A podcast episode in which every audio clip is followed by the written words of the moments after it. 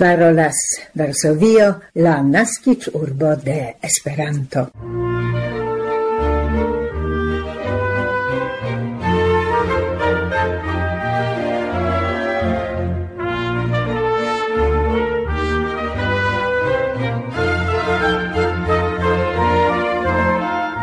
Bonvenon, gesignoroj, en la 1224 Esperanto el sendo de la Pola Retradio en Esperanto. En nia hodiava el sendo el Varsovio aŭdiĝanta premiere la finan de februaro 2023, por kiu invitas vin Barbara Pietrzak, Gabi Kosiarska, Milada Szwedo kaj Maciej Jaskut, ni proponas aktualaĵojn scienc-bultenan rubrikon – ni enrigardos scodieu ancau nian archivon por memorigi iun el la interesaj sondokumentoj.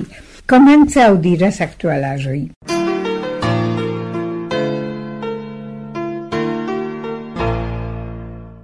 Pollando estas pli ol kvarcent mil formoj de la familiaj nomoj. La kreata ekde 2010 jaro interreta leksikono de la nomoj en Pollando enhavas informojn pri ĉirkaŭ 30 mil plej popularaj polaj nomoj eblas el gi excii kiom da personoj uzas concretan nomon kaj en kiu landoparto gi estas populara. La leksikono kolektas informojn interalie pri la ebla origino de la nomo, giai variantoi cae historiai fontoi. Dume en la lexicono nur sebdec quin ogdec procentoi de la polai civitanoi trovas informoin pri sia nomo. Catalogita estis nome tiui nomoi, kiui usas almenau ducent civitanoi. Prescau cent sebdec mil nomoi estas usatai nur de calcai personoi, de du gis sep.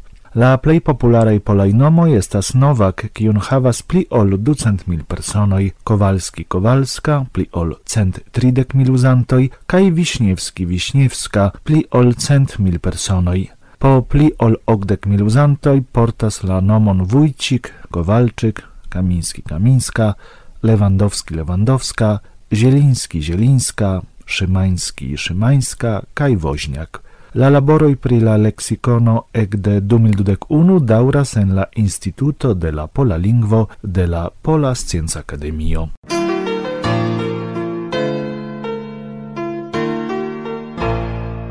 Dum il dudec dua jaro estis la plia jaro, dum kiu al Pollando venis signifa nombro de islamana loĝantaro.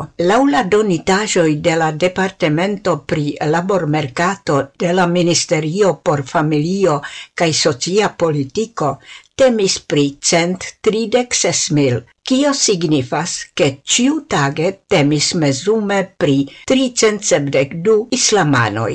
Plei multai neplenai tridec quar mil venis el Uzbekio, pli ol dudec quin mil el Turkio cae pli ol dec tri como quin mil el Bangladesho.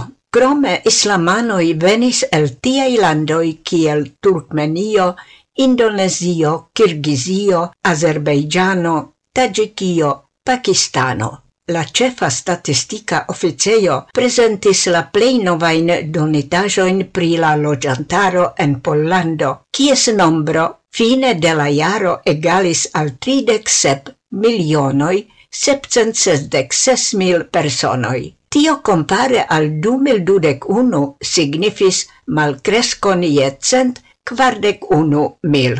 Pasentiare en Pollando nascigis tricent quin mil infanoi, inclusive de circau de quin mil infanoi de exterlandanoi. Unu jaron pli frue la nombro de la infanoi de exterlandanoi egalis al hoc como nau mil. Temas do pri pli ol sesdec procenta cresco, cae kiel oni atentigas, Tio ligigas cun ukrainai enmigrantoi. Ne estas ciate kiom da ukrainai infanoi trovigas inter la menciitai de quin mil exterlandai infanoi, sed inter januaro kaj augusto 2022 en Pollando nascigis ok mil ukrainai infanoi. Tio estis duoble pli ol en 2021, kiam la elsento de ukrainaj infanoj egalis al 1,5%. En 2021 ne multe pli ol 1 procento. Kiel informis compare la giornalo Geni Gazeta Pravna en 2015, Ukraininanoj en Pollando – naskis sepcent kvar infanoin.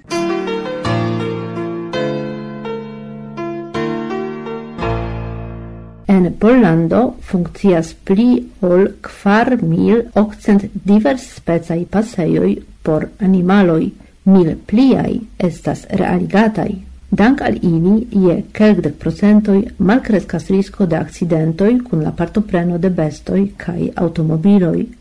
Dum la construado de la vojoj de rapida trafiko aŭ aŭtovojoj, oni ofte frontas ilian krusiĝon kun la bestaj migrovojoj. La ekologiaj pontoj povas kaj solvas kelkajn problemojn samtempe. Unuflanke, pasante super kaj sub la aŭtovojoj, ili sekvas la migrovojojn de sovaĝaj bestoj. Ili povas ankaŭ savi la vivon de homoj. Laŭ la laboreio, favore al ciui vivantai estajoi, la ŝlosila tasco estas certigi conforman videblecon al animaloi de sur la autovoia nivelo kaj gia circauajo, kaj rezigni pri construado de vojbariloj ciui malfaciligas alla bestoi bestoj la voion. Videblecon al animaloi malfaciligas voiei fosajoi same kiel tershutajoi, Pri tiuj taskoj respondecas la Generala Direktoraro de Landaj Aŭtovojoj. Ĝi konfirmas, ke ĉiuspecaj migropasejoj plenumas sian rolon, ke utiligas ĝin rampuloj, grandaj kaj mezgrandaj mamuloj, grandaj cervoj, kapreoloj kaj linkoj. Ili estas konstruataj posta analizo de realaj bezonoj en difinitaj lokoj. Nun Pollando disponas pri unu el la plej evoluintaj retoj de la bestaj migropasejoj en Eŭropo. Favoris tion prokrasta plukonstruo de la voja trafik-infrastrukturo, ĉar aktuale multaj aŭtovojoj jam en la projektofazo konsideras la elkonstruon de ekologiaj pontoj. Utiligas inin ne sole animaloj, sed ankaŭ farmistoj veturantaj per traktoroj kaj promenantoj.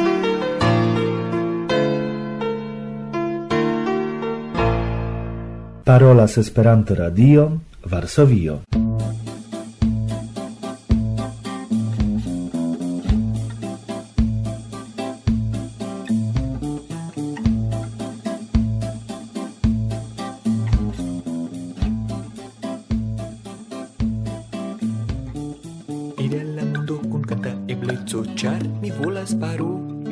Kaj sentis sin influa libereco, ĉar mi volas paroli Kai promenadi ce landai belezoi char Mi volas paroli. Coni la homoin cai sentu nuezon char Mi volas paroli. Volas mi paroli con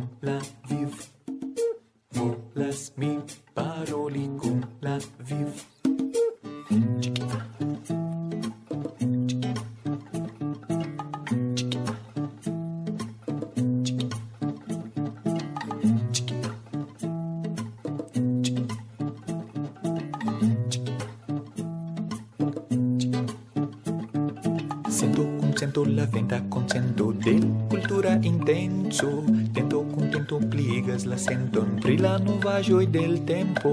Canto del canto fariĝas en canto Une kun ĉiela lando. Mixo con mixo movigas la vangon Ene de ĉia amanto. Volas mi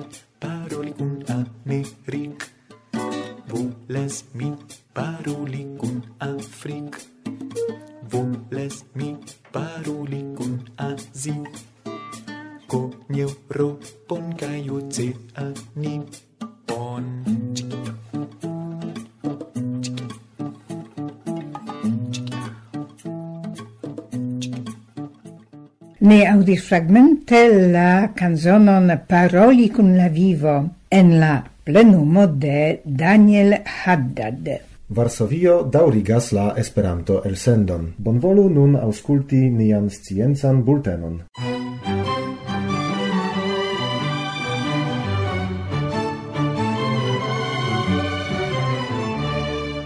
La lumpoluado en la mondescalo estas pli granda ol supposite.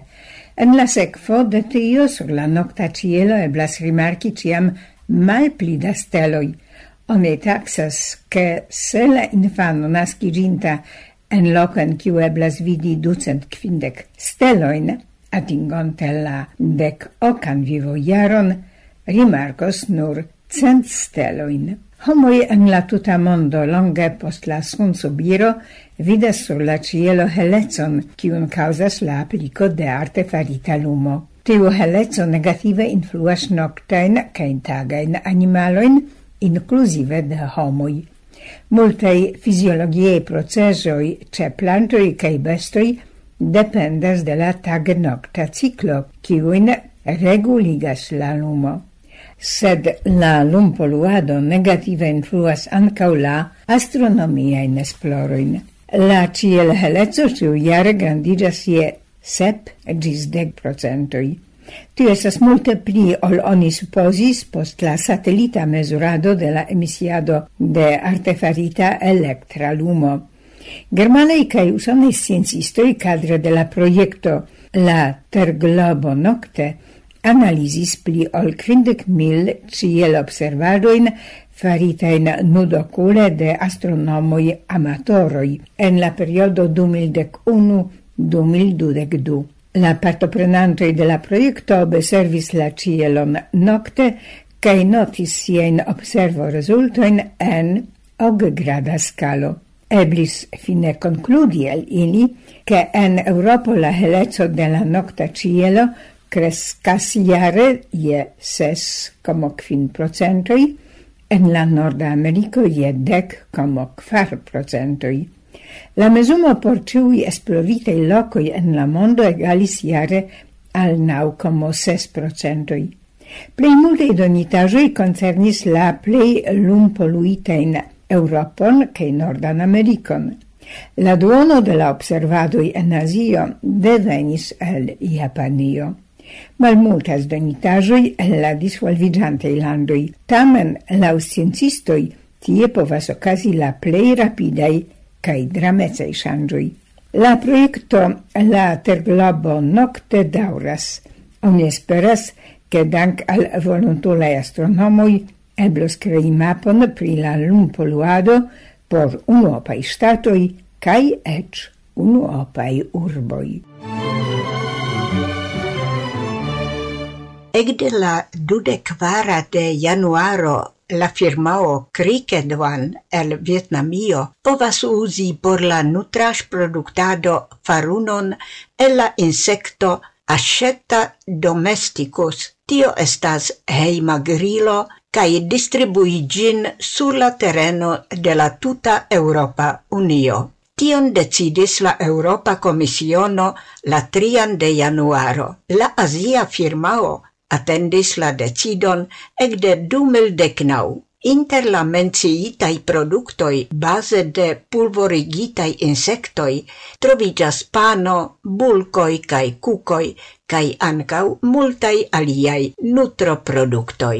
Dietikistino Agnieszka Piskała-Topczewska, interparolante kun la portalo A, bo, co, zdrowie, a, bo, co, Sano informis che la Monda San Organizo forte insistas pri ricei proteinei productoi el insectoi.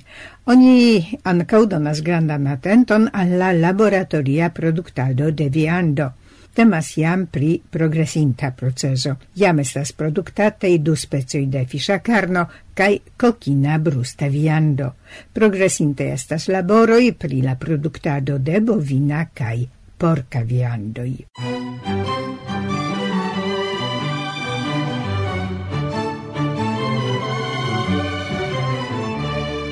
Parolas Varsovio, la nascit urbo de Esperanto. Antau tri la trian de februaro, mortis en la agio de ogdeg du jaroi, Hu Guozu, plum nome conata kiel Micino. Ciare li estus ogdec quinjaraĝa. Li estis tre fecunda cina verkisto kaj tradukisto, unu el la plej aktivaj kaj en la verkado kaj en la movado.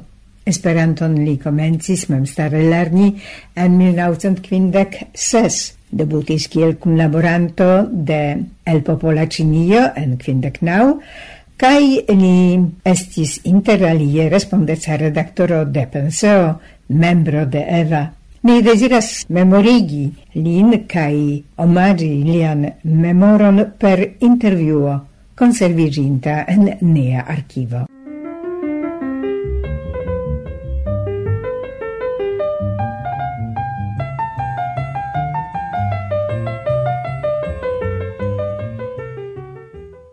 nia antaŭmikrofona gasto estas Semidano Hu, sed vian tutan plenan nomon mi ne kapablas prononci. Do bonvolu fari tion mem. Mi nomiĝas Hu Kuochu, kai mia esperanta nomo estas mi chino, tio signifas ke mi estas chino. Yes, vi estas chino, kai mi tre ĝojas ke giuste vi gastas ante nia mikrofono, des pli pri la historio de via amikeco con via japana amico ni iam rakontis en niaj elsendoj do doktoro Hideki Harada. Yes. Temis ankaŭ pri tiu tre kortuŝera renkontiĝo antaŭ kelkaj jaroj. Antaŭ nelonge, ĉu? Antaŭ sufiĉe longe, antaŭ pli tutte dudek jaroj. Do estis via unua renkontiĝo? Eh, tiam ocatis nia unua voia rencontigio. Kaj la sequa? tiam estas nekonataj, sed poste ni fariĝos intimai amicoi, char ni amba estas agia sed ne sole pro la samaggio, mi supposas. Cai anca nin ecnernis Esperanto en samajaro, cai terie ni es same fervora esperantistoi. Sed doctoro Harada famigis kiel curacisto, activas anca en la medicina medio. Vi fakte estas literaturisto, vi estas movadano, kun grandei meritoi. Ciu vi tamen mem shatus iomete rakonti pri vi al niaj gauscoltantoi? Per mia esperantista vivo... Pri vi esperantista esperantista vivo, pri viei diversei laboroi cae funzioi in vi plenumis en la cina movado? Se mi racontas pri mia lernado de Esperanto, certe multae ostantoi tre miras. Cial, cial mi ciam lernis Esperanto en tre malfacilae condicioi. Exemple, mi estas nepa pagipova. Mi tre amas Esperanto, sed mi ne havas elemento acetina necessai negaroi. Do, exemple, mi men manco pis Esperanto antologio de la unua litero gis la lasta litero, cae tiu ci mancopiaro ecce mirigis na eldoninto, estimata recolo cae li donis propran subscriptum sur yes, mia nun mi vidas tiun autografon el la okdeksa jaro. Eh, Kaj sub la redacto de William eh, Old compreneble, eh. estas copiajo, sed facte temas pri iu extraordinara afero. Fari mem per la propra mano. En kiu iaro vi tion faris? Tio ja estas laboro kiu postulas multege da pacienza. en la tre malfacila jaroj por i popolo en la 1973 tiel nomata granda cultura revolucio. kai kiam mi komencis menerni Esperanto, kvankam miam scipovis skribi leteron en Esperanto, sed mi scipovas legi eci alfabeton de Esperanto. Do tiam neniu povas instrui al mi, sed hazarde mia collegino officio veturis al Sanhajo kaj mi petis, che si visitu iun veterana esperantisto nomia scribo adreso kaj petu che tiu veterano instruis al si kiel pronunci esperante, kai si instruis al mi to si funkciis kiel homo diktafono, kai tiel mi povas voce legi esperanto, tio tre ne imagebla kuriozaro kai fakte kiam venis la unuaj ideoj kai kontaktoj kun Esperanto. Do la ideoj lerni ĝin, sed unue devis esti la kontakto. Kiam tio okazis? Vidis, ke vi lernis pli malpli en la sama periodo kiel doktoro Harada, sed kompreneble en aliaj cirkonstancoj. Hazarde mi ekesci, mi ekesciis la nomon de Esperanto. Mi estis tuj allogita de lia nobla ideo, do mi persistis mian lernado kai poste ankaŭ laboro per Esperanto. Mi estas verkema kaj versema. Mi tradukis poemoin de Lipai, cae tiun pro aperis in Japanio. Sed vi aperigis pli multe in vercoin? Anca aliai, pri, yes, ce, cepe per cina culturo, cepe per culturo in antiqua cinio, anca antiqua cinio. Cae nun mi havas la la standian vercon, sed la titolo estas aparta, hu laudas vert colore, yes. tio signifas che eh, la temaro ne estas ligita con cina culturo? ne primuvato per eminentai personoi, eminentai esperantistoi in Cina esperanta movado, sed ne nur Cina. Exemple, mi anca laudas pri Maio, cae tiu anca atingis por narratio. Jes, si atente ni ricevis tiun tekston de doktoro Harada, kaj tiam ni havis la bonŝancon. Tio estas mia honoro, ke mia verko atingis pere de por narratio. Mi sentas grandan ĝojon. Sed ja mi scias, ke vi ankaŭ aktivis en la ĉina Esperanto-movado. Jes, kvankam mi estas trankvilema kvietema homo, mi ŝatas verki aperis tajpi, tajpi antaŭ mia komputilo sed eh, per la temo de esperantisto nu mi funkcias kiel prezidanto de Hubea Esperanta Asocio, unua provinca asocio en Ĉinio. Kiom da membroj vi havas? Ĉiujare estas malsamre, eble ducent. Do tamen estas ja multe. Ci foje nia delegacio estas la unua loka inter aliaj cinaj provincaj delegacioj. Nia membro superis sesdek. Ĉu vi sole movadumas? Ĉu vi ankaŭ aktivas sur la kultura kampo? Tre aktiva, tre aktiva. Ni gajnis la unuan premion donita de Joelo en 1999 en ateria nanta congreso. Vi estas tiu persono kiu ja havas kontakton kun la Pola Radio ne nur pro la fakto ke jen kaj jen ni ricevis iun artikolon kiun vi verkis kelkfoje iom tro ampleksan por la bezonoj de la radio pro tio pardonu ne ĉiam ni povis citi amplekse sekve dank' al vi ni ankaŭ komencis ricevi tiun ĉi revueton La Penseo. Mi dum tri jaroj mi mem propramane redaktis, taipis, kai redaktis, kai verkis, kai contribuis per tiu ci tre malgranda, tre modesta, tre modesta revuo. Sed ja, ciu guto, kiu enfalas en eh, tiu ci grandan torrenton de la Esperanto movado, ricigas la tuton. Ricigas, kai ci estas honorigita per la premio de Grabowski. Giuste. Giuste, pritio sia tempe parolis anche en nia tra rigardo della Esperanto gazetaro kai non mi exis ke vi estas uno alla fidela i sen auscultanto do almeno vi estas la leganto de tiuj tra felietonoj i kiujn ni aperigas en la reto ĉu vere? Yes mi tre ŝatas versi aŭ traduki priĉinaj interesaj rakontoj diversaj rakontoj literaturaj verkoj.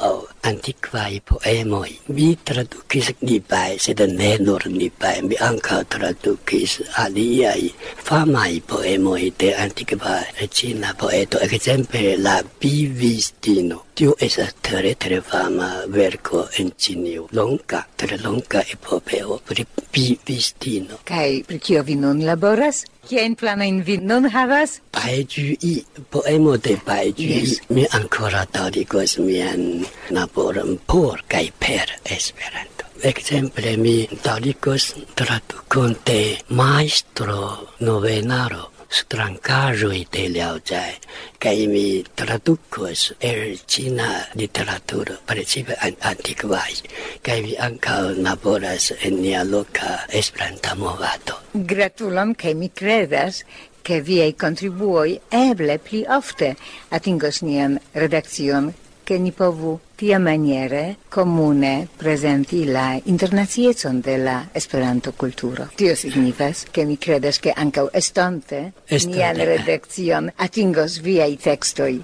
che ni ricevos penseon. Certe, certe. Nun mi ciu tage mi visitas interreto kai per rete postaro mi inter correspondas eh, kun esperantisto tra la mondo kai mi anca volas che ni poste interesiantios messaggio per internetto. Certe ti è lestes, koran dankon. Dankon, mi dankas al bona radio.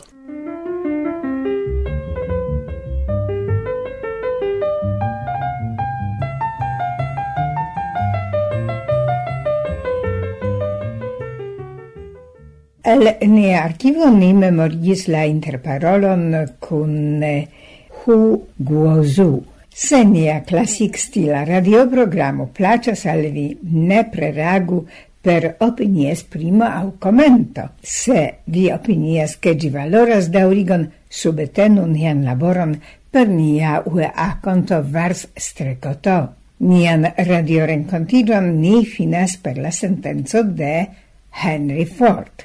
Mal successo, essa simple la ocaso por provi de nove ci foie in maniero pli bone conceptita.